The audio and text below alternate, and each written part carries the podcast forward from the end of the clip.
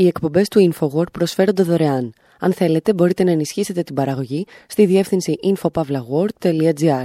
Η διεύθυνση infopavlagor.gr. Η εκπομπή InfoWord με τον Άρη Χατζηστεφάνου.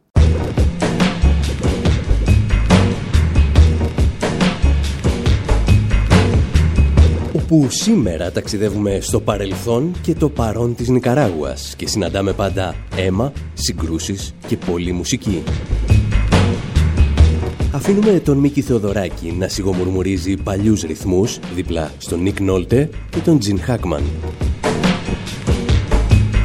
Παρακολουθούμε τον Ρόναλντ Ρίγκαν αλλά και το φάντασμα του Ρόναλντ Ρίγκαν να χρηματοδοτούν τάγματα θανάτου.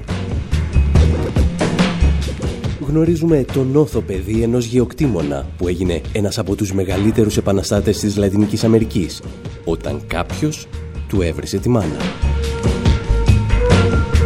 Και ύστερα παρακολουθούμε τις αιματηρές συγκρούσεις που συγκλονίζουν τους τελευταίους μήνες στην Ικαράγουα και για άλλη μια φορά βρίσκουμε πολλούς κακούς και ορισμένους μερικώς καλούς.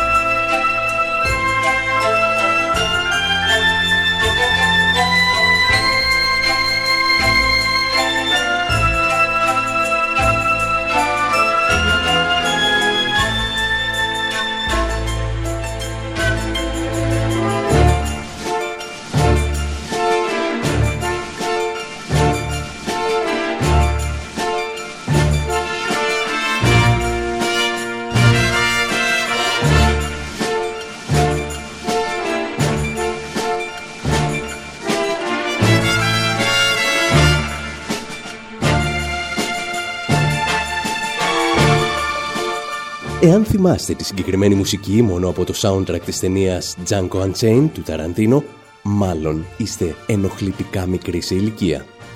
Γιατί το συγκεκριμένο κομμάτι γράφτηκε από τον Jerry Goldsmith για την ταινία «Αποστολή στην Ικαράγουα» του 1983. Αυτή με τον Nick Nolte και τον Jim Hackman και παρεπιπτόντος του χάρισε το Όσκαρ πρωτότυπης μουσικής. Μια ταινία για την οποία λέγεται ότι κάποιοι αποφάσισαν να γίνουν δημοσιογράφοι. Εμείς, λόγου χάρη, γνωρίζουμε δύο από δάφτους. Nicaragua, 1979. It's June 10th, the evacuation of Leon. Their job is reporting the news. They freeze truth η ταινία στηρίζεται σε μια πραγματική ιστορία, την εμψυχρό εκτέλεση του Αμερικανού δημοσιογράφου Bill Stewart και του διερμηνέα του Χουάν Σπινόζα από τις δυνάμεις ασφαλείας του δικτάτορα Σομόζα. Το ημερολόγιο έγραφε τότε 20 Ιουνίου του 1979 και ήταν ίσως η πιο άτυχη ημέρα στη ζωή του Σομόζα, γιατί ένας εικονολήπτης έτυχε να κινηματογραφεί τη στιγμή της εκτέλεσης η οποία μεταδόθηκε πολύ σύντομα σε όλα τα αμερικανικά δίκτυα. Stewart was with this man, an ABC technician, and with a cameraman, an interpreter and a driver. Ο Στιούαρτ ήταν μαζί με ένα τεχνικό από το ABC, με έναν κάμεραμαν, ένα δερμηνέα και έναν οδηγό. Ο τεχνικός του ABC παρακολουθούσε από το βανάκι, καθώς ο Στιούαρτ και ο δερμηνέας περπατούσαν προς μια ομάδα στρατιωτών που στεκόταν εκεί. Ο κάμεραμαν του ABC βιντεοσκόπησε αυτή τη σκηνή. The ABC cameraman taped this scene. Και αν μας ρωτήσετε γιατί οι πρετοριανοί του δικτάτορα να εκτελέσουν εμψυχρό έναν άνθρωπο, είναι γιατί μπορούσαν, γιατί πιθανότητα θα απέδιδαν την ευθύνη στους αντάρτες των Σαντινίστας και κυρίως γιατί δεν γνώριζαν ότι κάποιος τους κινηματογραφούσε. Ο Σομόζα βγήκε αμέσως σε διεθνές δίκτυο να ζητήσει συγγνώμη. Ήταν όμως πολύ αργά το καθεστώς του θα κατέρε σε λιγότερο από ένα μήνα, καθώς ο Αμερικανός πρόεδρος δυσκολευόταν πλέον να στηρίζει δημόσια ένα τόσο αιμοσταγές καθεστώς.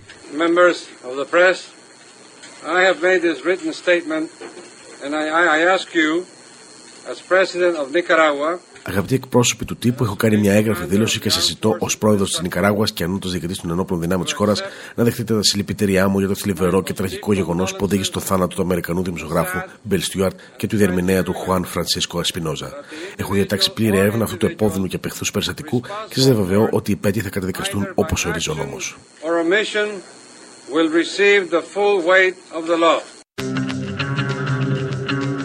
Προφανώς μια δικτατορία δεν πέφτει από ένα τυχαίο γεγονός, όσο συγκλονιστικό και αν δείχνει στη μικρή οθόνη.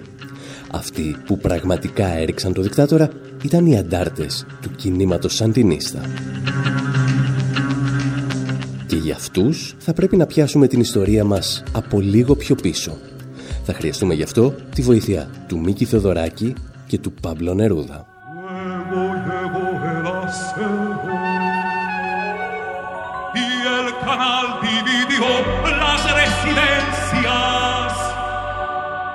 Aquí los amos, allí la servidumbre.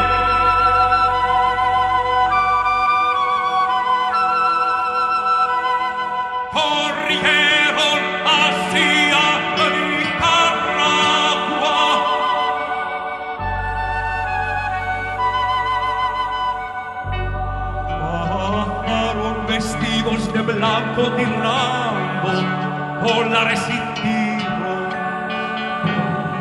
Pero allí surgió un capitán que dijo, oh no, aquí no pones tus concesiones. Ο Μίκης Οδωράκης μελοποιεί το «Κάντο Χενεράλ» του Παμπλο Νερούδα και εμείς ακούμε το κομμάτι για τον Σαντίνο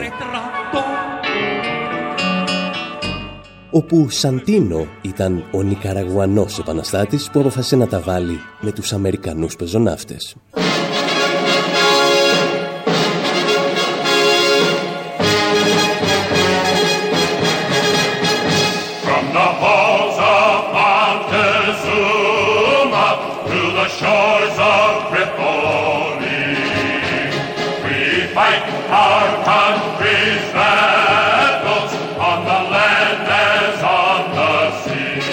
Βρωμερός ύμνος των Αμερικανών πεζών αυτών πεάνιζε στην Ικαράγουα από το 1912, όταν η χώρα καταλήφθηκε από τις Ηνωμένες Πολιτείες, όταν ο Σαντίνο ήταν μόλις 17 ετών.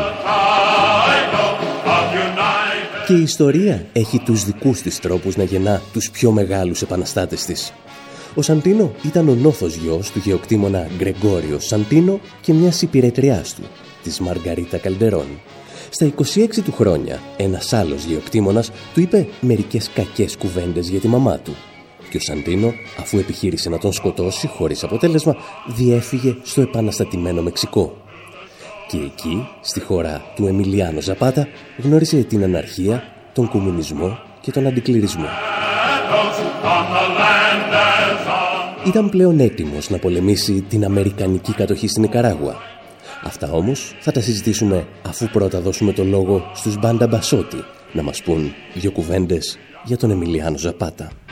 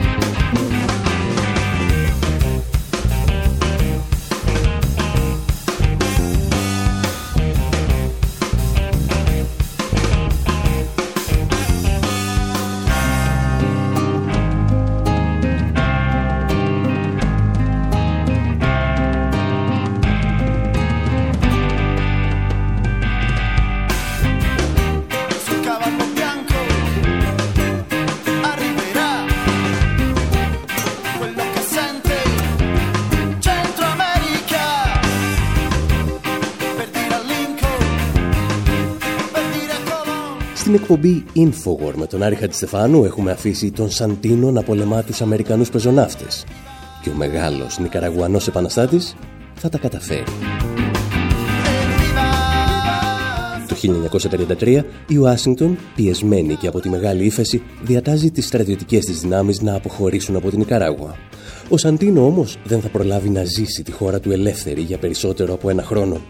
Το 1934 δολοφονείται από δυνάμεις του Αναστάσιο Σομόζα Γκαρσία, ο οποίος θα γίνει ο επόμενος δικτάτορας της Νικαράγουας. Για την ακρίβεια θα γίνει ο πατριάρχης μιας οικογένειας δικτατόρων οι οποίοι θα κυβερνήσουν τη χώρα με τη στήριξη των Ηνωμένων Πολιτειών για περίπου τέσσερις δεκαετίες. Το φάντασμα του Σαντίνο όμως θα επιστρέψει. Patria libre! Patria libre!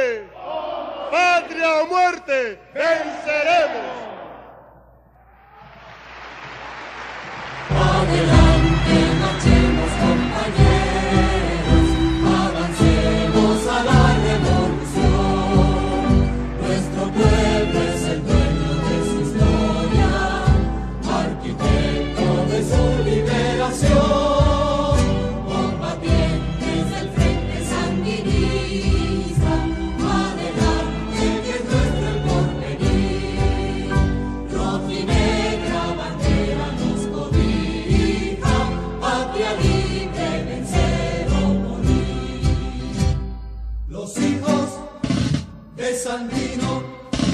ni se venden, ni se rinden.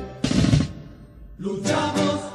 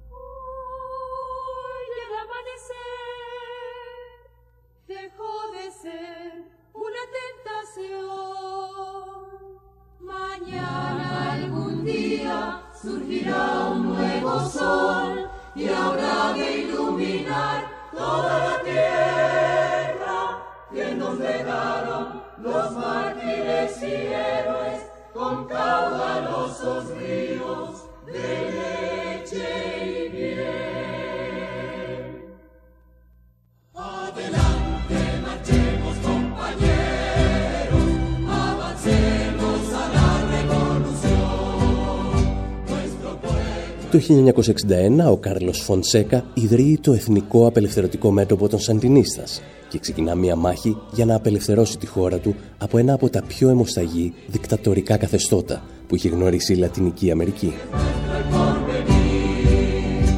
Και σε αυτή τη μάχη οι απόγονοι του Σαντίνο θα πρέπει να πολεμήσουν και πάλι τις Ηνωμένες Πολιτείες και τους ντόπιου συνεργάτες τους. Τα τάγματα θανάτου των Κόντρας που χρησιμοποιούσε ο δικτάτορας Σομόζα.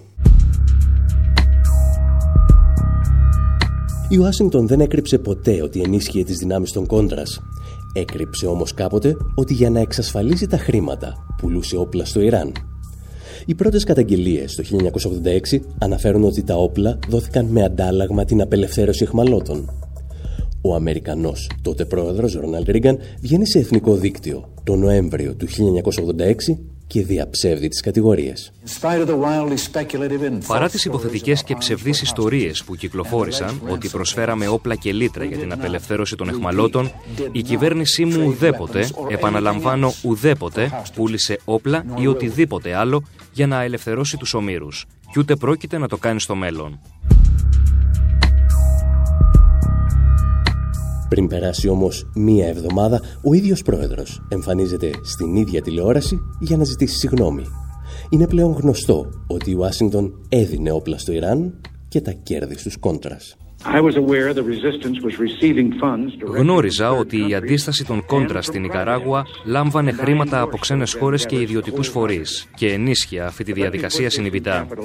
Θέλω όμως να πω κάτι και να το γράψετε με κεφαλαία γράμματα. Δεν γνώριζα για τη μεταφορά χρημάτων από το Ιράν. Οι ευθύνες όμως δεν σταματούν σε αυτούς που έδωσαν καταθέσεις στο δικαστήριο, σταματούν σε μένα. Απέναντι στον Αμερικανικό λαό, εγώ είμαι υπεύθυνος για ό,τι συνέβη.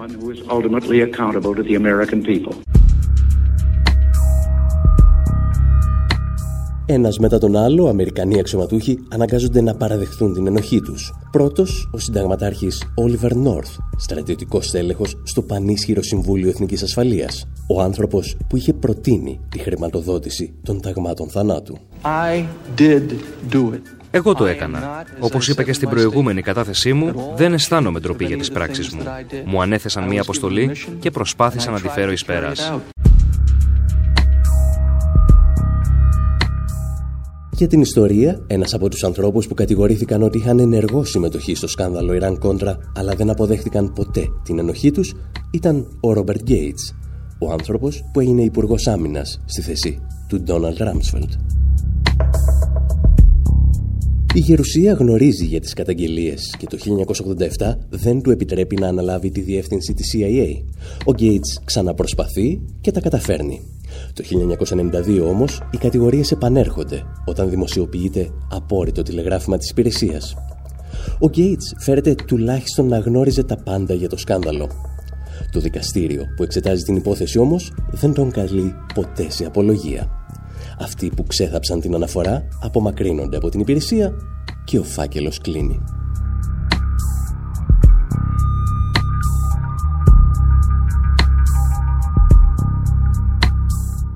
Παρ' όλα αυτά, η επανάσταση των Σαντινίστας θα πετύχει και το κόμμα τους θα παραμείνει στην εξουσία μέχρι το 1990. Ένας από τους σημαντικότερους μαχητές τους, ο Ντανιέλ Ορτέγκα, θα επανέλθει μάλιστα στην εξουσία με τις εκλογές του 2006. Μόνο που σήμερα κάποιοι τον αποκαλούν δικτάτορα και χαιρετίζουν την αιματηρή φοιτητική εξέγερση εναντίον του. Ιστορίες για να έχουμε να λέμε στο δεύτερο μέρος της εκπομπής.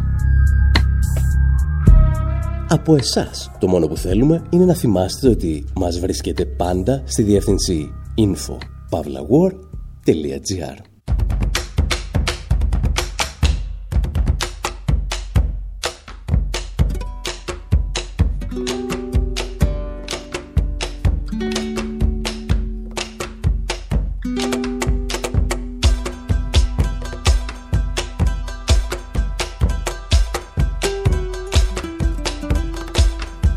Tengo ganas de cogerte, estrujarte, romperte, morderte, odiarte el hígado, comerte, sacarte los ojos, mancharte de rojo, abrirte las tripas a los jack de ripa. Tengo ganas de degollarte con lo que escribo, usando los peores adjetivos para describir el encabronamiento que siento.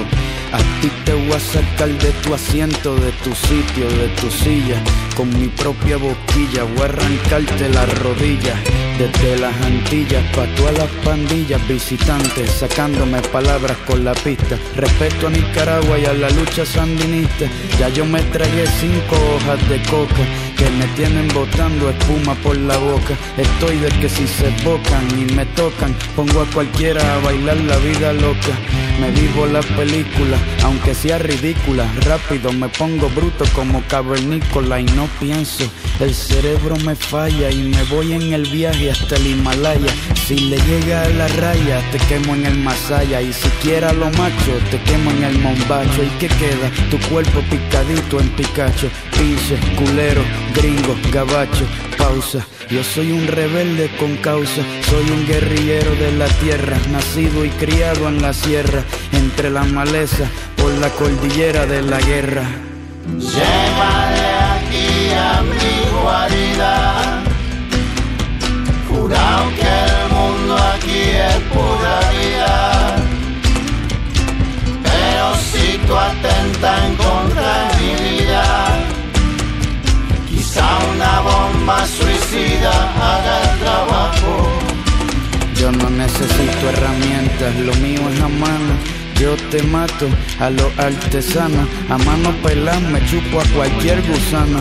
Mientras me fumo un habano cubano. Quiero partirte los dedos de las manos. Quiero rayarte como queso parmesano. Quiero mandarte a volar y no es en aeroplano. Hoy no te salva ni el Vaticano. Tranquilo, yo soy un tipo tranquilo. Yo no soy un gángster, tampoco muevo kilos. Lo que necesito es algo con filo. Lo que necesito es media yarda de hilo. Pa' paseártela por el cuello. Es no, te ahorco con tu propio cabello. Tú sientes ira, yo siento ira. Vamos a ver quién primero delira. Vamos a ver cómo tu cuello se estira. Vamos a ver al final quién respira. Este hombre cuando habla no es en vano. Que no me saquen pa' afuera lo de indio araucano. El ejército del pueblo en primer plano. El coro, pa' que suene bonito, no necesitamos piano. Dale, hey. Llegale aquí a mi guarida. Que el mundo aquí es pura vida. Pero si tú atentas en contra de mi vida, quizá una bomba suicida haga el trabajo.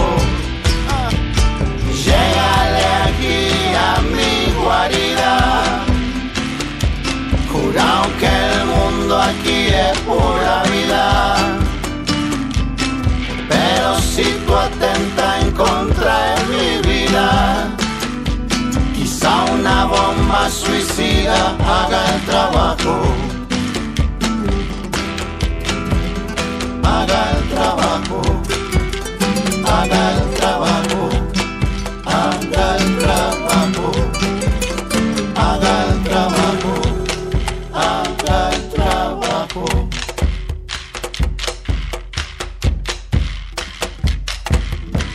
Οι εκπομπές του InfoWord προσφέρονται δωρεάν. Αν θέλετε, μπορείτε να ενισχύσετε την παραγωγή στη διεύθυνση infopavlagor.gr.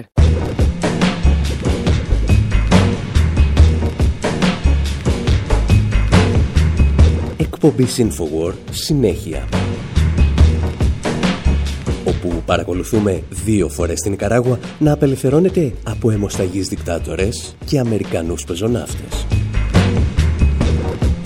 Και τώρα πρέπει να διαπιστώσουμε πως ένας πρώην αντάρτης έφτασε να κατηγορείται για αυταρχική και σχεδόν δικτατορική διακυβέρνηση. Και κυρίως εάν αυτοί που τον κατηγορούν έχουν δίκιο ή αν τυχαίνει να χρηματοδοτούνται και πάλι από τις Ηνωμένες Πολιτείες. Πρώτα όμως πρέπει να ακούσουμε για πολλωστή φορά ένα τραγούδι των Clash από το άλμπουμ τους Σαντινίστα. Πάντα με την μικρή ελπίδα να κάνουμε τα οστά της Μάργαρετ Θάτσερ να τρίξουν ελαφρά στον τάφο της. Oh, mama, mama, look there. Your children are playing in the street again. Don't you know what happened down there? A youth of 14 got shot down there. The cocaine guns jammed downtown. The killing clowns, the blood money men. Shooting those. Washington bullets again. As every cell in Chile will tell the cries of the tortured men. Remember Allende in the days before, before the army came. Please remember Victor Hara in the Santiago Stadium. Es verdad, those Washington bullets again. In the Bay of Pigs in 1961, Havana for the Playboy and the Cuban sun. For Castro is the color is a redder than red. Those Washington bullets, one Castro dead. For Castro is the color, double a new spray of lead.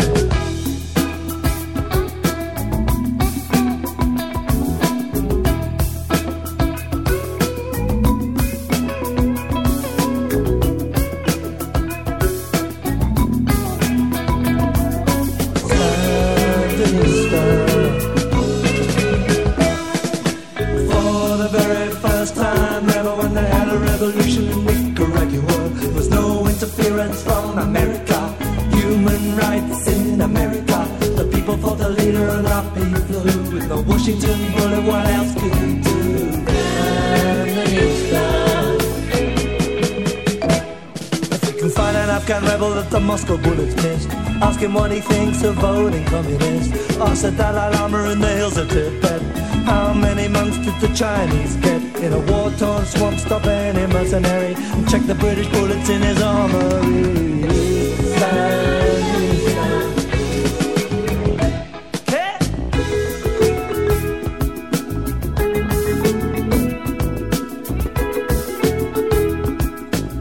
Οι Clash θα ονομάσουν το τριπλό άλμπουμ τους Σαντινίστα, με αφορμή ορισμένες επιθετικές δηλώσεις της Μάρκαρετ Θάτσερ εναντίον των Σαντινίστας. Τότε που λέγεται ότι ήθελε να απαγορεύσει ακόμη και τη χρήση της συγκεκριμένης λέξης.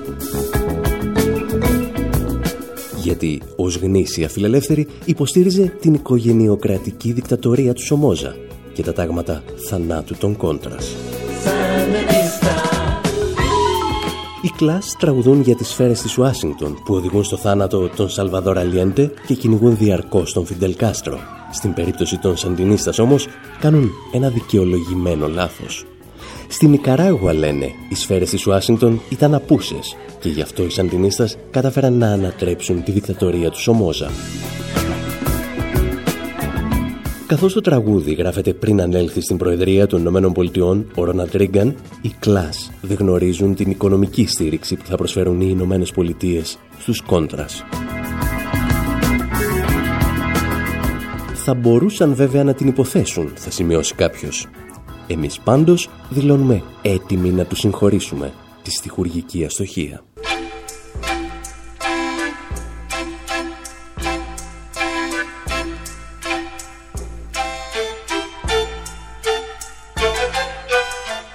Παρά τη στήριξη του Ρίγκαν και της Θάτσερ πάντως στα τάγματα εφόδου των Κόντρας, οι Σαντινίστας θα επιβιώσουν και θα φέρουν τεράστιες αλλαγές σε μία από τις πιο φτωχές μέχρι τότε χώρες της Λατινικής Αμερικής. Η Νικαράγουα αποκτά δημόσιο σύστημα υγείας και εκπαίδευσης, ανασύροντας από τον αναλφαβητισμό εκατοντάδες χιλιάδες παιδιά που δεν μπορούσαν να παρακολουθήσουν ούτε τις πρώτες τάξεις του δημοτικού. Είναι ένα εντυπωσιακό φιλολαϊκό πρόγραμμα, το οποίο όμως δεν θα τολμήσει να ακολουθήσει το δρόμο του Φιντελ Κάστρο στην Κούβα, αλλά ούτε καν του Σαλβαδόρ Αλιέντε στη Χίλη. Και αρκετά από τα θεαματικά επιτεύγματα θα χαθούν όταν οι Σαντινίστας απομακρύνονται με τις εκλογές του 1990. Ο Ντανιέλ Ορτέγκα όμως θα επανέλθει το 2006 για να ρίξει μερικές πινελιές κράτους πρόνοιας στη νεοφιλελεύθερη σφαγή που χαρακτηρίζει ολόκληρη τη Λατινική Αμερική από τη δεκαετία του 90. Μόνο που αυτή τη φορά είναι ένας ποιοτικά διαφορετικός ηγέτης. Και η χώρα θα το διαπιστώσει πριν από μερικούς μήνες όταν ξεσπούν βία επεισόδια στη Μανάγκουα και σε άλλες μεγάλες πόλεις της χώρας.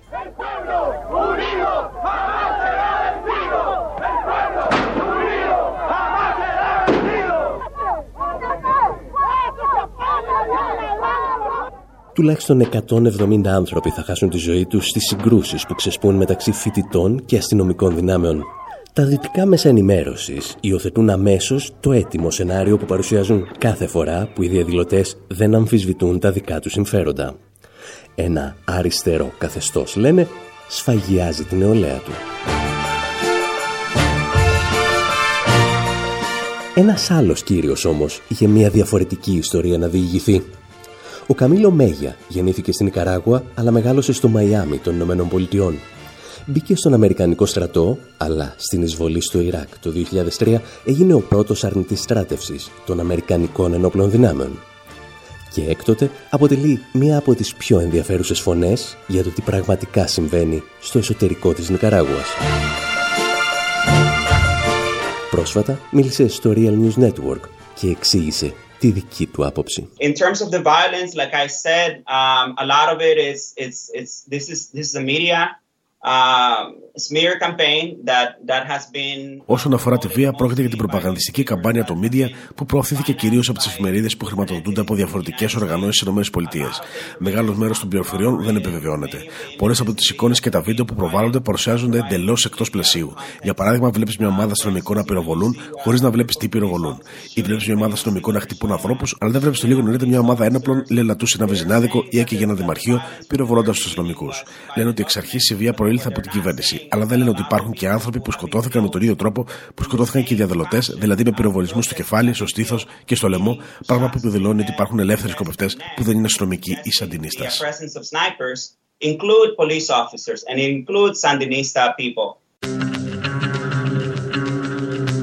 Η εικόνα που παρουσιάζει ο Καμίλο Μέγια θυμίζει ελαφρώς και την κάλυψη των γεγονότων στη Βενεζουέλα. Όσοι άνθρωποι και αν πεθάνουν στις συγκρούσεις βαφτίζονται αυτομάτως αντικυβερνητικοί διαδηλωτές. Ακόμη και αν ανάμεσα στα θύματα υπάρχουν ομάδες που στηρίζουν την κυβέρνηση και δεκάδες αστυνομικοί που δέχονται αληθινά πυρά και μολότοφ. Η βία λοιπόν στην Ικαράγουα δεν προέρχεται μόνο από τις κρατικές δυνάμεις. Ίσως μάλιστα να μην προέρχεται πρωτίστως από τις κρατικές δυνάμεις. Ο Καμίγιο Μέγια όμως, όπως και πολλοί ακόμη αναλυτές, έχουν και μερικές ακόμη ενδιαφέρουσες πληροφορίες για ορισμένους από τους διαδηλωτές. Κυρίως για αυτούς που χρηματοδοτούνται, όπως λέει, από αμερικανικά ιδρύματα ερευνών και υπηρεσίες. The people who are behind uh, this coup, because it cannot be called otherwise, οι άνθρωποι που βρίσκονται πίσω από αυτό το πραξικόπημα, γιατί δεν μπορεί να χαρακτηριστεί διαφορετικά, είναι οργανώσεις κοινωνίας των πολιτών, μη κυβερνητικές οργανώσεις, που χρηματοδοτούνται από οργανισμούς όπως το Εθνικό Ταμείο για τη Δημοκρατία, το Εθνικό Δημοκρατικό Ινστιτούτο για τις Διεθνείς Σχέσεις και η Υπηρεσία των Ηνωμένων Πολιτειών για τη Διεθνή Ανάπτυξη. Και είναι αυτοί που οθούν πολλούς νέους που συμμετέχουν σε αυτό το κίνημα. Συνεργάζονται με πολιτικά κόμματα που δεν είναι δημοφιλείς στην Ικαράγουα, δεν έχουν καμία αξιοπιστία και είναι διεφθαρμένα. Το μόνο που επιθυμούν είναι να προκαλέσουν αναταραχή και χάος very corrupt. And so it is necessary for them to create unrest and chaos. Τις πληροφορίες του Μέγια ότι οι τμήματα της αντιπολίτευσης χρηματοδοτούνταν από αμερικανικά Ινστιτούτα και υπηρεσίες που ειδικεύονται στην ανατροπή καθεστώτων επιβεβαίωσαν αρκετοί δημοσιογράφοι στο περιοδικό Nation αλλά και ο συγγραφέας και αναλυτής Max Blumenthal. Είναι όμως τα πράγματα τόσο απλά Έχουμε μία ακόμη απόπειρα ανατροπής μιας αριστερής κυβέρνησης από δυνάμεις που χρηματοδοτούνται απευθείας από την Ουάσιγκτον. Εν πολλής ναι, αλλά ίσως και όχι. Γιατί μπορεί οι διαδηλωτές να μην είναι αυτό ακριβώς που περιγράφουν τα διεθνή μέσα ενημέρωσης, αλλά και ο Ντανιέλ Ορτέγκα δεν είναι ο παλιός σαντινίστα που είχαμε γνωρίσει. Και γι' αυτά θα συζητήσουμε ύστερα από ένα πολύ μικρό διάλειμμα.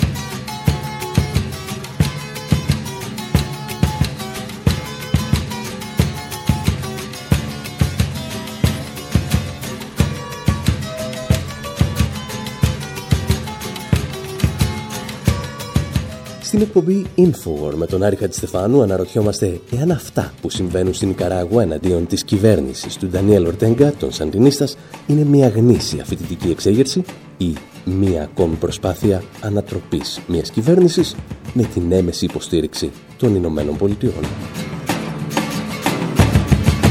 Και η απάντηση είναι ότι δεν υπάρχει συγκεκριμένη απάντηση.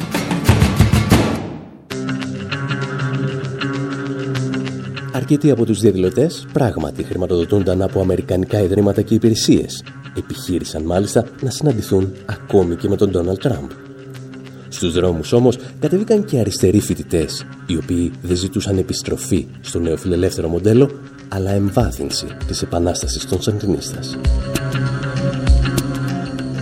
Και αν θέλετε να μπερδευτούμε λίγο περισσότερο, δεν έχουμε παρά να σκεφτούμε και πώς ξεκίνησαν αυτές οι κινητοποιήσεις.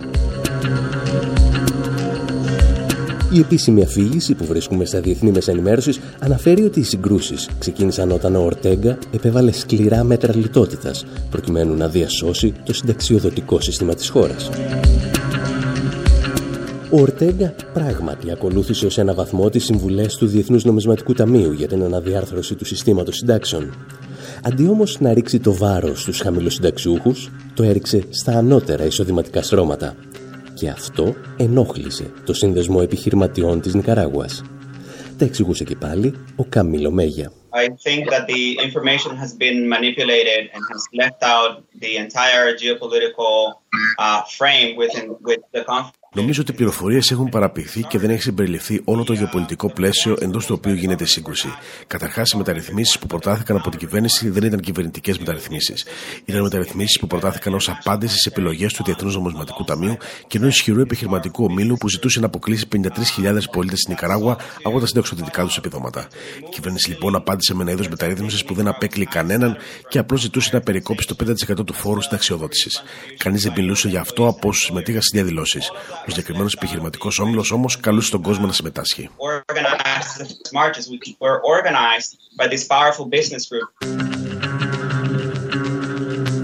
Ο Ορτέγκα λοιπόν ενόχλησε ύστερα από πολύ καιρό τα ανώτερα εισοδηματικά στρώματα της Νικαράγουας και η δεξιά αντιπολίτευση κατέβηκε στους δρόμους. Σωστά; Περίπου. Γιατί, όπως εξηγούσε πρόσφατα ο οικονομολόγος Trevor Evans, ο Ορτέγκα δεν είναι ακριβώς ο Ρομπέν των φτωχών που είχαμε συνηθίσει. Για την ακρίβεια, κόντευε να γίνει ένα από τα αγαπημένα παιδιά του Διεθνούς Νομισματικού Ταμείου. The Sandinista government since 2007 has had excellent relationships with the International Monetary Fund. Από το 2007 η κυβέρνηση του Αντινίστα έχει εξαιρετικές σχέσεις με το Διεθνές Νομισματικό Ταμείο. Το Ταμείο επέβαλε τους συνήθεις όρους διανισμού και η κυβέρνηση τήρησε πιστά τους όρους. Είναι αλήθεια ότι η κυβέρνηση επένδυσε μεγάλα ποσά στην κατασκευή δρόμων. Επίσης έχουν αυξήσει λίγο τις δαπάνες για την υγεία, αλλά οι δαπάνες για την παιδεία είναι εξαιρετικά χαμηλές. Και αυτό μας οδηγεί σε ένα άλλο ενδιαφέρον στοιχείο. Η κυβέρνηση Ορτέγκα έχει κάνει πράγματι πολλά για να προσελκύσει ξένες επενδύσεις. Η χώρα έχει ακαθόριστο εγχώριο προϊόν 6 δισεκατομμυρίων και οι ξένες επενδύσεις ξεπέρασαν τα 800 εκατομμύρια τον τελευταίο χρόνο. Αυτό είναι κεντρικό σημείο της στρατηγική τους. Προκειμένου όμως να προσελκύσουν τις ξένες επενδύσεις, πάγουν τις αυξήσεις του μισθούς.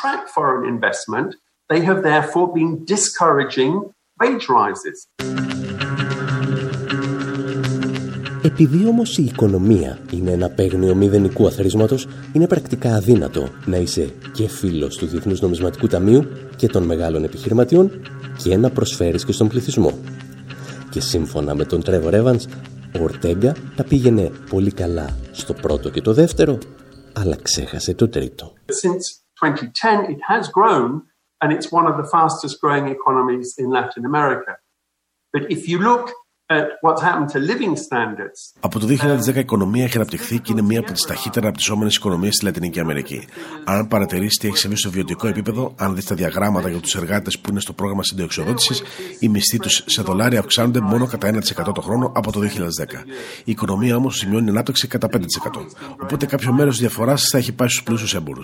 Πάνω απ' όλα είναι πλούσιοι. Είναι η μπουρζουαζία, η τάξη των γεωκτημόνων που έχει επενδύσει στη γεωργία, στη βιομηχανία και στον τραπεζικό τομέα και έχει κερδίσει πάρα πολύ από αυτό. Και ο ίδιος ο Ορτέγκα φημολογείται ότι έβγαλε πολλά χρήματα όπως και πολλοί άλλοι ηγέτες των Σαντινίστας, χωρίς ωστόσο να φτάνουν στο επίπεδο των πλουσιότερων ανθρώπων στην Νικαράγουα. Αλλά αυτό σημαίνει ότι οι περισσότεροι άνθρωποι δεν έχουν κερδίσει τίποτα από αυτή τη διαδικασία και οι περισσότερες οικογένειες έχουν επιβιώσει επειδή τουλάχιστον ένα μέλος τους έχει πάει στις ΗΠΑ ή στην Κωνσταντίνα για να δουλέψει και να στέλνει χρήματα σπίτι. in order to work and send home money. Η νέα κυβέρνηση των Σαντινίστας λοιπόν υπό τον Ορτέγκα είναι πλήρης αντιφάσεων. Πατά κατά διαστήματα στο επαναστατικό της παρελθόν, αλλά τα τελευταία χρόνια υπηρέτησε πιστά το Διεθνές Νομισματικό Ταμείο και το Σύνδεσμο Επιχειρηματιών της Νικαράγουας. Όταν όμως αμφισβήτησε για λίγο τις εντολές του Ταμείου, η δεξιά αντιπολίτευση τμήματα της οποίας χρηματοδοτούνται από τις Ηνωμένες Πολιτείες, κατέβηκε στους δρόμους για να την ανατρέψει. Ίσως γιατί αυτή είναι πάντα η μοίρα των αριστερών κυβερνήσεων που ξεχνούν το παρελθόν τους. Αποξενώνονται από τη βάση τους και όταν η δεξιά της απειλεί με ανατροπή δυσκολεύονται πλέον να βρουν συμμάχους. Ακόμη και αν τυχεί μία φορά να έχουν το δίκιο με το μέρος τους. Εμείς πάλι λέμε να σας αφήσουμε μόνους να τα χωνέψετε όλα αυτά.